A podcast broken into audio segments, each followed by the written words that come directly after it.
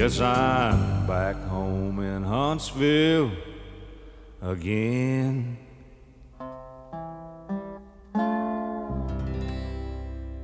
Welkom bij een eh, extra podcast van The Prison Show. We zijn er natuurlijk normaal gesproken elke vrijdag. Maar nu eh, doen we iets wat we niet heel vaak doen. Volgens mij is het al een jaar, anderhalf jaar geleden. Het maken van een, een Prison Show extra. En er is in dit geval een goede reden voor. Frans, ik heb jou de telefoon. Ja, Ehm, Edwin. Normaal gesproken zitten we bij elkaar, maar nu even over de telefoon. aan de ja. telefoon. Hey, eh, wat is de reden van deze extra podcast die wij eh, dit weekend uitbrengen? Ja, de reden is eigenlijk dat ehm, eh, we aangelopen zijn, ook als prison show, hè, als, als podcastmakers, tegen een ehm, situatie waarin je eigenlijk heel aantoonbaar en heel duidelijk zichtbaar is hoe een overheidsinstantie probeert om eh, de rechtsstaat niet eh, uit te oefenen, zeg maar. Dus basisrechten die er zijn en waarvan ze ook weet en kan weten dat, dat die er zijn, probeert niet, eh, niet toe te passen en niet te laten uitoefenen. Dus eigenlijk dat de overheid de rechtsstaat uitstelt. We hebben onlangs met Mhm. Mirjam Jacobs een interview daarover gehad. En dan eh, ontstaat er een soort eh, ja, ruimte waarin je eigenlijk vanuit allerlei argumenten, eh, politiek belang, orde en veiligheid, noem het maar op, privacy van mensen, van alles kan verbieden en van alles kan doen en beperkingen kan opleggen. Ehm, ehm, en daarmee dus ja, de menselijke waardigheid eh, van mensen kan aantasten, maar ze ook gewoon hun basale vrijheden kunt afnemen.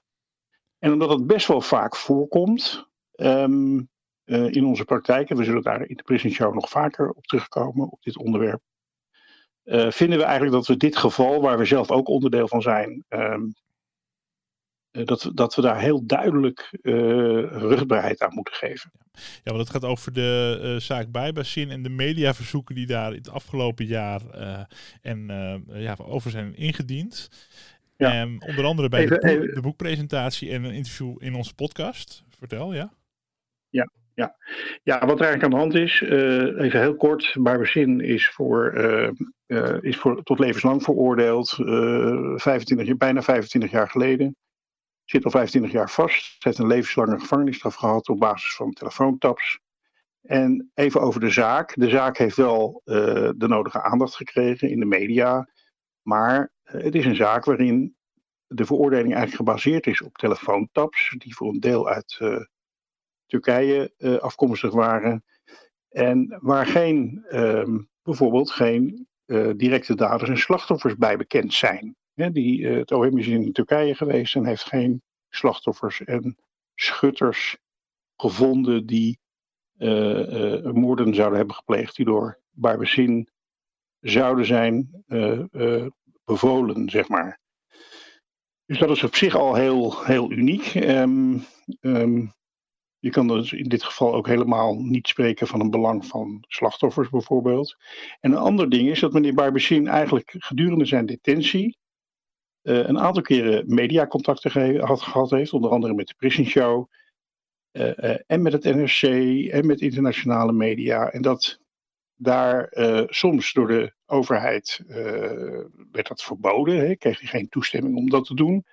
Maar eigenlijk is dat altijd wel gebeurd. En ehm, soms met een vertraging van een jaar zelfs, hè, met allerlei procedures en ga zo maar door. En dan ja, gaf toch Centrale Raad voor Strafrechttoepassing gaf toestemming en verordoneerde dat, dat een mens gewoon vrijheid van meningsuiting heeft en dat er geen enkele reden is om hem dat te ontzeggen.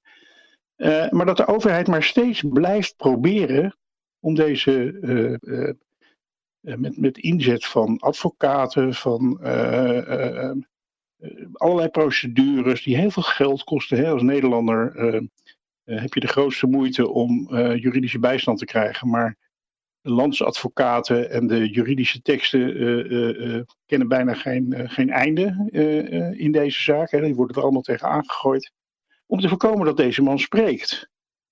Terwijl er nooit enige maatschappelijke onrust geweest is. Er geen slachtoffers of nabestaanden zijn. En de man zich zowel in het dagelijkse leven in de gevangenis uiterst correct gedraagt. En dat ook doet tijdens de interviews die hij tot nu toe gegeven heeft. Dus er is nog niet de minste aanleiding om deze man, wat dat betreft, iets te verbieden.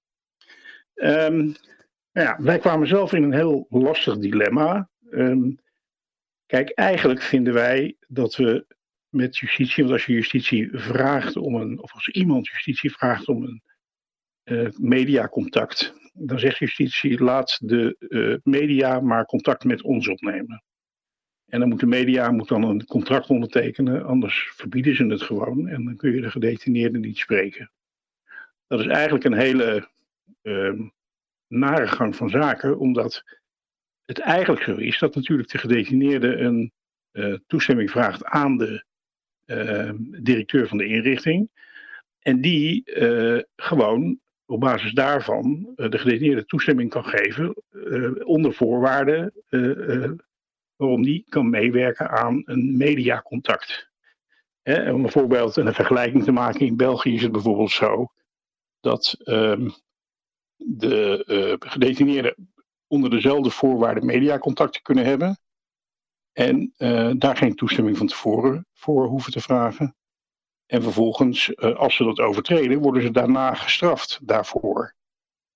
Um, in Nederland is dat niet zo. In Nederland is een praktijk ontstaan waarin eigenlijk gedetineerden niet of nauwelijks uh, de gelegenheid krijgen om met de pers te praten. Die krijgen altijd nee te horen.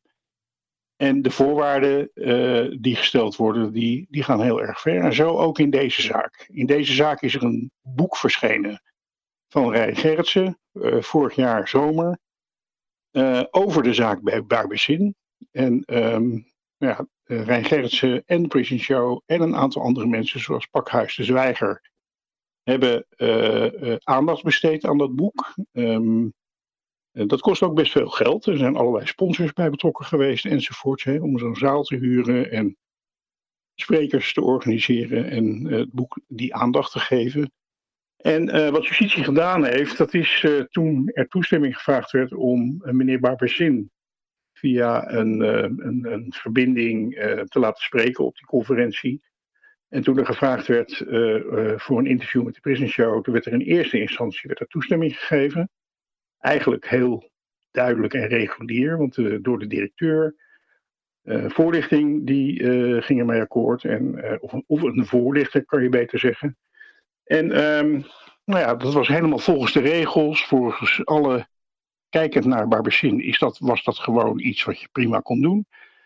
En vervolgens is die toestemming weer ingetrokken, wat, wat heel curieus is. Hè? Je hebt toestemming van de overheid en vervolgens wordt die weer ingetrokken, omdat het OM uh, nee, uh, er werd ingetrokken omdat er mee allerlei zaken geschaad zouden worden. Er werd een heel mooi juridisch stuk waarin ook weer over nabestaanden en slachtoffers gesproken hebt, die, niet, die er dus niet zijn. Um, het mocht dus niet. Vervolgens is de hele gang van zaken rond Pakhuis de Zwijger en rond het interview van de Prismo volledig gefrustreerd natuurlijk. Want toen we uiteindelijk uh, uh, uh, toestemming kregen, um, toen was de gelegenheid al voorbij en was het allemaal al georganiseerd enzovoort enzovoort. Ze hebben het gewoon echt een half jaar vertraagd, moedwillig. Um, maar wat er gebeurde was dat, dat um, op een gegeven moment zij natuurlijk zich heel goed realiseerden dat je wel degelijk toestemming moet geven. Dus een, aantal maanden na, uh, na de aanvraagdatum, hè, eh, bijna een half jaar daarna, kreeg de advocaat en kregen wij alsnog toestemming. Maar moesten we een contract ondertekenen waarin we akkoord gingen met het niet bespreken van zijn strafzaak. Terwijl het, ja, terwijl het boek wat gepresenteerd is en waar het interview over zou moeten gaan, ja, dat boek gaat over zijn strafzaak was een heel groot dilemma voor uh, Edwin en ik. Want eigenlijk vinden we dat we daar niet aan zouden moeten meewerken, principieel. Um, want uh, we willen niet mee met een uh, gang van zaken die eigenlijk tegen de regels is. Hè? Ook als de overheid het je voorstelt en je moet eigenlijk van de overheid bepaalde internationale wetten overtreden. Dat is niet leuk om dat, om dat te moeten doen. Maar goed, het probleem was, als we geen toestemming hadden gegeven, dan, Mhm. eh, en, en dat contract niet ondertekend hadden, hadden we nooit met meneer uh, kunnen spreken. Nou, wat nou precies overtreden was, wil ik even voorlezen. Want wat de overtreding uh, van, van de overheid, van justitie, wat probeerden zij te voorkomen? Uh, namelijk het uitoefenen van het recht op vrijheid van meningsuiting en de persvrijheid. En dan wil ik graag even, voor, even voorlezen wat daarover staat in de EVRM. Ieder heeft recht op vrijheid van meningsuiting. Dit recht omvat de vrijheid mening te koesteren en de vrijheid om inlichtingen of denkbeelden te ontvangen of te verstrekken zonder inmenging van enig openbaar gezag en ongeacht grenzen. Dit artikel belet staten niet radio, omroep en bioscoop- of televisieondernemingen te onderwerpen aan een systeem van vergunningen. Um, uiteraard uh, is 16 artikel 2 dat, dat, uh, dat daar voorwaarden aan zijn verbonden. Dat klopt ook. Volgens de penitentiaire beginselenwet klopt dat ook. En je moet natuurlijk niet uh, de orde en rust schenden. Je mag niet.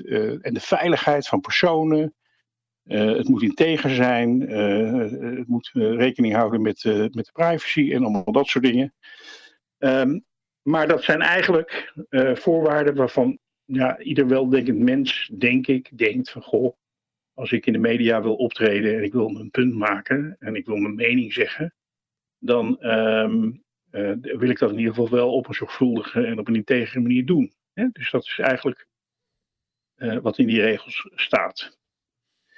Nou, dat betekent dus dat als je artikel 10 EVRM bekijkt, dan uh, zou ieder personeelslid en ieder, iedere gedetineerde het recht moeten hebben en ook de gelegenheid moeten krijgen om zijn eigen mening en visie te vertellen, zolang hij maar duidelijk maakt dat het zijn visie en zijn mening is. Um, en hij de rechten van anderen niet uh, ernstig ondermijnt. En er was dus in het geval van Arbezin geen enkele reden om dat te denken dat het zou gebeuren. Geen aanleiding, geen grond, enzovoort. Nou, vervolgens uh, kwam er ineens bij dat uh, de officier van justitie de, de bandopname, dat was ook een voorwaarde die in het contract stond, de bandopname zou moeten luisteren van de podcast. Nou, dat heeft weken geduurd, ik geloof een week of drie, voordat de beste man, die overigens ook niet goedkoop is, of vrouw trouwens, die ook niet goedkoop is, uh, uh, hem kon luisteren en kon zeggen dat er niks verkeerds was gezegd. In een zaak die eigenlijk helemaal niet aanleiding geeft voor dit soort extreme maatregelen. Dus het was ook nog wel heel erg kolderiek en heel erg grotesk wat er gebeurde. Het was zo belachelijk en zo ontzettend dom dat um, uh, de manier waarop zeg maar, de, de rechten werden geschonden en, en, en justitie probeerde om te voorkomen dat deze man dingen zou zeggen die overigens al sinds 2021 in alle boekhandels lag. Hè? Want het is gewoon het, het verhaal van uh, het boek van Rijn Gerritsen. Dat vertelt tot in detail wat er allemaal gebeurd is. En uh, daar kan iedere Nederlander kennis van nemen. Hè? Dus ja, het was echt heel erg belachelijk. En uh, je zou er misschien heel erg om kunnen lachen als het niet om zo'n serieuze zaak gaat. Um, en als het niet om onze overheid ging en als het niet om de rechtsstaat ging. Uh, het, het, het, punt is dat um, je er helemaal niet om kan lachen, omdat het echt gaat om basale rechten en vrijheden van ons allemaal.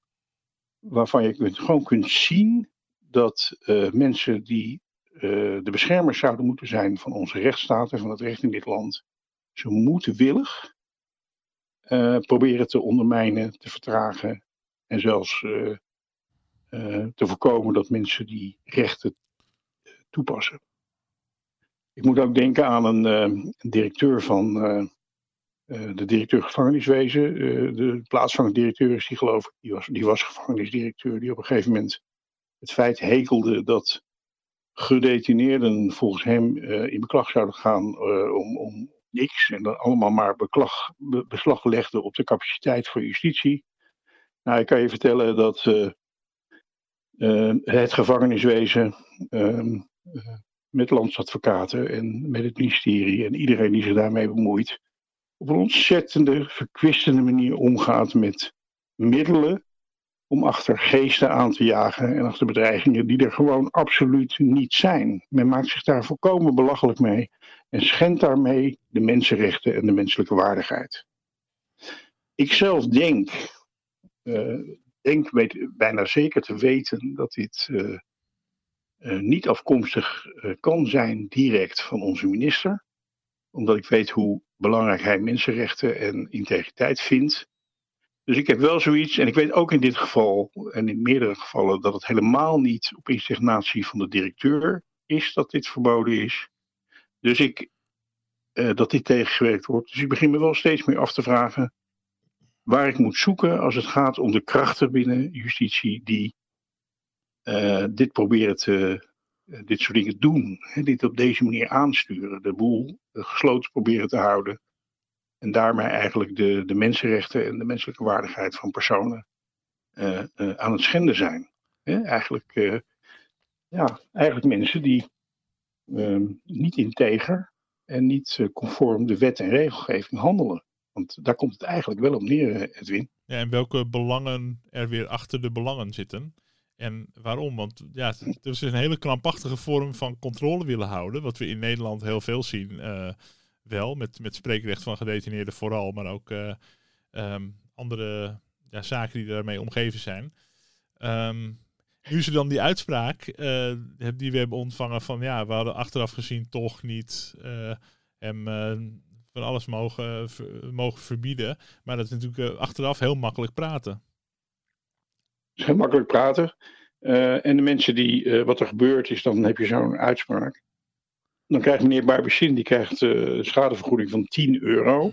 Dat is hem eerder overkomen. 10 euro was dat toen voor een jaar lang onterecht publiciteit tegenhouden.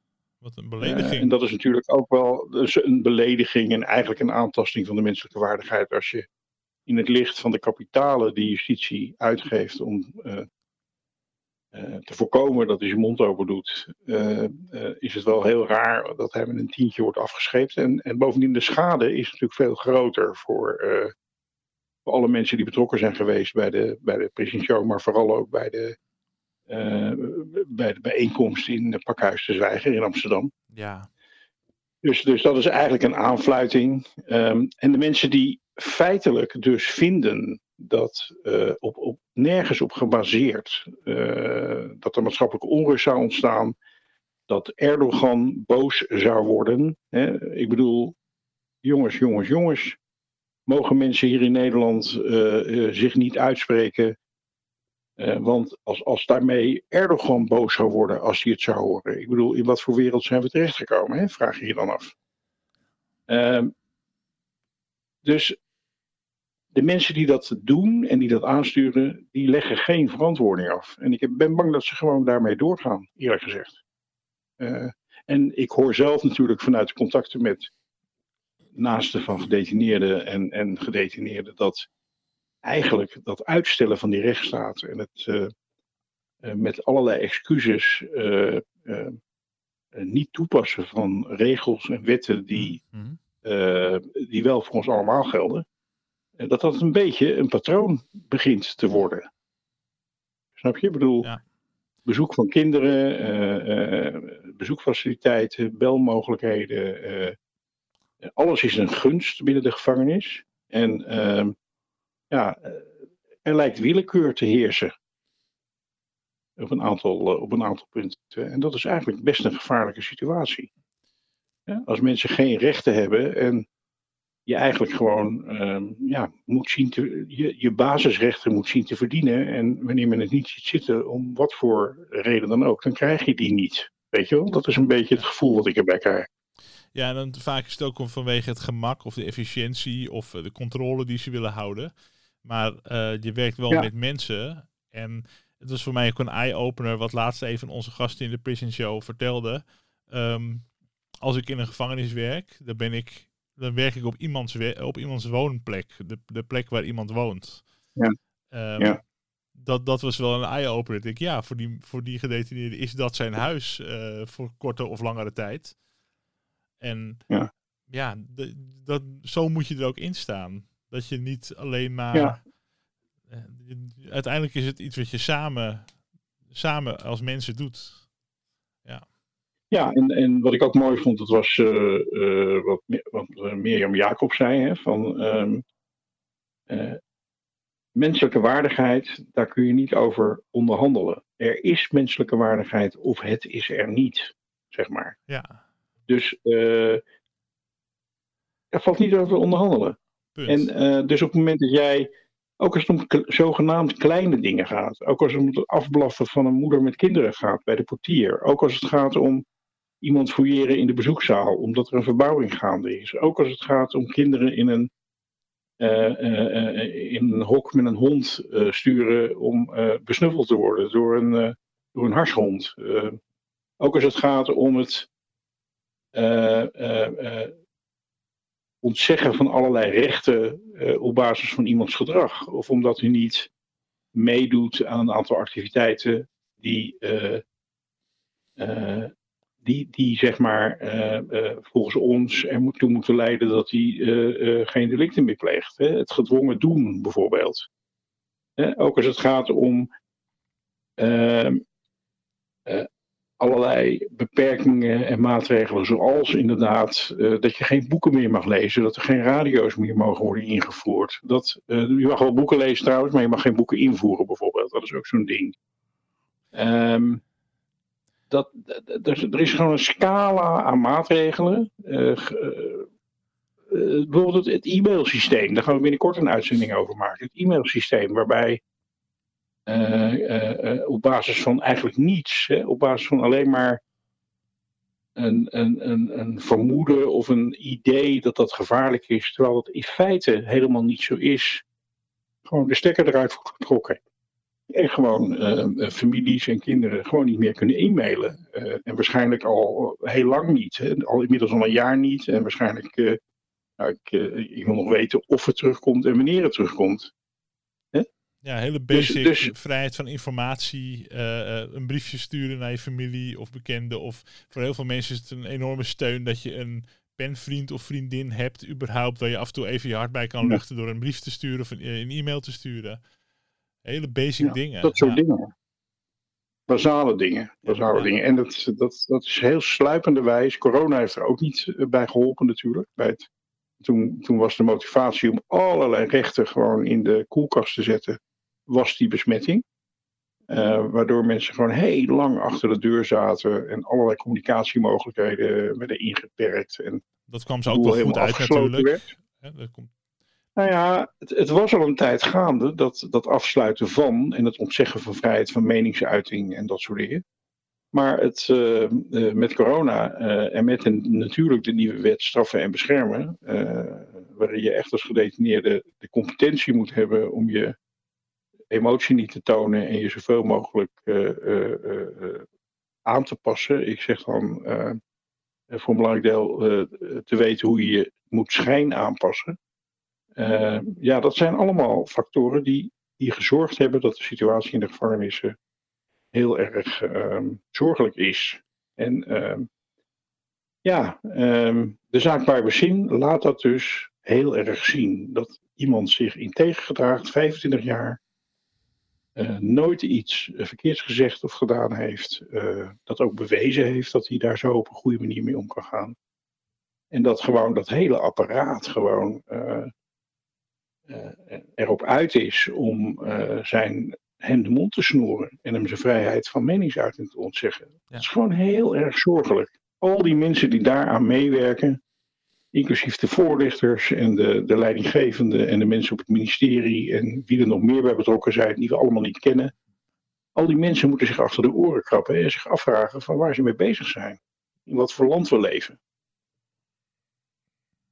Ja, want het eh, systeem kan er wel zijn, maar het systeem is uiteindelijk toch de mensen die het uitvoeren. Ehm, ja. Ja, het is altijd, altijd lastig. Hè? Eh, kijk, ik heb zelf 40 jaar bij het systeem gewerkt en dan ben je hartstikke veilig. Dan kun je heel anoniem en heel, helemaal beschermd als onderdeel van een organisatie waar duizenden mensen werken. Kun je gewoon doen wat je. Ja, heb je ontzettend veel ruimte om te doen wat je wilt. Hè? Dat geldt voor gevangenispersoneel, dat geldt voor het OM, dat geldt voor politiemensen. Dat geldt voor al die, al die betrokkenen bij eh, de hele strafrechtketen. Ehm, en we hebben ook de bescherming van die strafrechtketen bij alles wat we doen. En ook de middelen om ons te verdedigen en noem het allemaal maar op. Mhm. Maar degene met wie wij te maken krijgen, dat zijn uh, uh, mensen, meestal individuen, meestal mensen die de mogelijkheden, de fondsen, het netwerk niet hebben om zich te verdedigen. Um, en in het geval van een gedetineerde is het zo dat het iemand ook nog is waar we bijna een volledige macht over hebben. Hè? Die we op allerlei manieren dwars kunnen zitten en uh, zonder dat de wet aan te pas komt, op allerlei manieren kunnen benadelen. Neem, neem een overplaatsing bijvoorbeeld. Of dat je zegt van ja, maar we vinden je gedrag niet goed, dus je gaat van een, een groen regime naar een rood regime. Wat betekent dat je eigenlijk al je faciliteiten kwijt bent. Um, dus een, gedetineerde, uh, per definitie in een gevangenis, is natuurlijk een enorm machtsverschil. Nou, als je dan in die situatie, hè, waarin het hele grote machtsverschil aanwezig is en eigenlijk de rechtspositie en de rechten van de onderliggende persoon eigenlijk ja, heel stevig bewaakt moeten worden, omdat ja, die heel gauw uh, uh, verdwijnen, om het zo maar te zeggen, of aangetast worden. Ja, in, om dan in die situatie dit soort praktijken uh, uit, te, uit te oefenen, ja, dat is gewoon echt heel zorgelijk. Het is echt heel zorgelijk. Om mensen in gevangenschap de rechtspositie van de gedetineerde respecteren, zijn menselijke waardigheden respecteren, waardigheid respecteren. Ja. Als dat niet meer gebeurt, nou, dan is het eindzoek. De reden van deze extra podcast is dus wel duidelijk. Het is iets waar wij uh, mee speelden de afgelopen tijd. En waar we toch uh, zo onze bedenkingen bij hadden. En het is goed om dat ook uh, ja, open te delen met de, de mensen die de podcast volgen. Ja. De heer Bijbersin mag nu dus wel over meer zaken praten. Um, nou, we hebben hem gesproken. We hebben ook de, zijn advocaat Adel van der Plas gesproken onlangs in de podcast. En uh, zij heeft nog wat meer verteld over de zaak. Um, wij gaan, uh, we blijven natuurlijk dat volgen. Verwacht jij dat er de komende tijd nog ontwikkeling komt of, of nieuws komt in de zaak rond de heer Bijbezin? Ja, dat, dat, verwacht ik eigenlijk wel, want uh, hij in Pieter Maats hem onderzocht. Dat is een voorwaarde om uh, eventueel in, in, uh, voor, in aanmerking te komen voor gratie. Hè? Um, ik bedoel, ik ben er overtuigd, van overtuigd dat, dat er een herziening plaats zou, moeten worden, plaats zou moeten vinden in zijn zaak. Maar hij heeft toch maar ook die gratieprocedure ingezet na 25 jaar. En uh, ja, ik ben heel benieuwd naar uh, hoe dat verder gaat. En naar het advies bijvoorbeeld van het Pieterbaancentrum. En hoe de commissie die de minister adviseert in dit soort zaken, hoe die gaat uh, adviseren. En natuurlijk vervolgens wat de minister vervolgens gaat doen. Dus ik, uh, ik hoop meneer Barbichin weer in de uitzending te kunnen krijgen. En dan ook echt man en paard te noemen. En het echt over zijn zaak te kunnen hebben met hem. Ja. Bij de volgende aanleiding. En uh, ja, ik, uh, uh, de volgende keer dat, dat ik van een voorlichter zo'n zo'n dik contract, wat gewoon eigenlijk gewoon, waar helemaal niks van klopt, qua rechtspositie, onder mijn neus krijg. Ja, dan ga ik toch echt kijken of ik een weg kan vinden om daar dat aan te kaarten en uh, te voorkomen dat ik iets ja, moet ondertekenen zoals zo'n contract. Ja, machtsvertonen uh, is het. Dus, en, ja. Ja, en toch, en toch uh, gewoon een integer interview kan houden. Duidelijk. Dus, want wij worden als het ware ook ja, min of meer gecompromitteerd. En uh, dat geldt eigenlijk voor alle media. Door dit soort contracten te moeten ondertekenen. Ja. Eigenlijk als je jezelf respecteert als onafhankelijk medium. Dan, dan, uh, ja, dan zou je dat eigenlijk niet moeten doen dan zeg je van ja, ik doe wel mee met dat, uh, met dat machtsvertoon met dat spel dat wordt gespeeld. En uh, wij maken ons daar wel ondergeschikt aan. Terwijl je eigenlijk gewoon. Nou, dat is, dat is een keuze, van pers is een van de grootste waarden die we hier in het land hebben. Ook als je ziet hoe het in sommige zou... landen uh, niet bestaat meer. Ik zou je vertellen, eh, Edwin, alle omroepen, de grote kranten, van, van Volkskrant tot NRC, tot Trouw, tot. Nou, noem het allemaal maar op. Iedereen houdt zich aan die voorwaarden omdat ze bang zijn dat ze anders niet meer binnenkomen. Ja, zo van in, zo in En het kan positie. een mijl op zeven is Ja. om dat gevecht aan te gaan. Het het gevoel van we moeten wel, want we hebben geen keuze, want het is uiteindelijk een informatiemonopolie eh, dat justitie dan heeft. Dan laat ik geen hele sterke beelden neerzetten van een aantal landen waar dit eh, ook zo gaat. Hè? Eh, ik weet in ieder geval dat in Amerika eh vrij met de pers kunnen praten. En ook pas achteraf aangepakt worden. Ik weet dat in België, daar heb ik al iets over gezegd, eh, het heel anders geregeld is. Ik denk dat we in Nederland gewoon ons moeten realiseren dat als we de rechtsstaat met z'n allen laten afbreken, dat dat uiteindelijk voor iedere Nederlander hele destructieve gevolgen heeft. Dank je. Dit eh, was onze extra podcast dus eh, over deze zaak. Dank je. Vrijdag zijn we er weer met een reguliere podcast. En dan praten we met Lex Boelen. En dat is wel een vrolijk onderwerp, want hij heeft heel lang eh, creatieve lessen gegeven in de gevangenis. En dan horen we ook muziekopnames die hij in de gevangenis nog heeft opgenomen. Dus dat is wel een, een mooi onderwerp. Ja, want er gebeuren, laten we daar ook duidelijk over zijn, er gebeuren ook heel veel mooie dingen. En eh, er wonen ook heel veel mooie mensen in dit land die hele mooie dingen doen of gedaan hebben. En Lex is daar één van. En eh, nou ja, eh, we moeten heel kritisch zijn soms. En sommige dingen zijn heel verontrustend, maar er gebeurt ook heel veel moois. Yes, I'm back home in Huntsville again.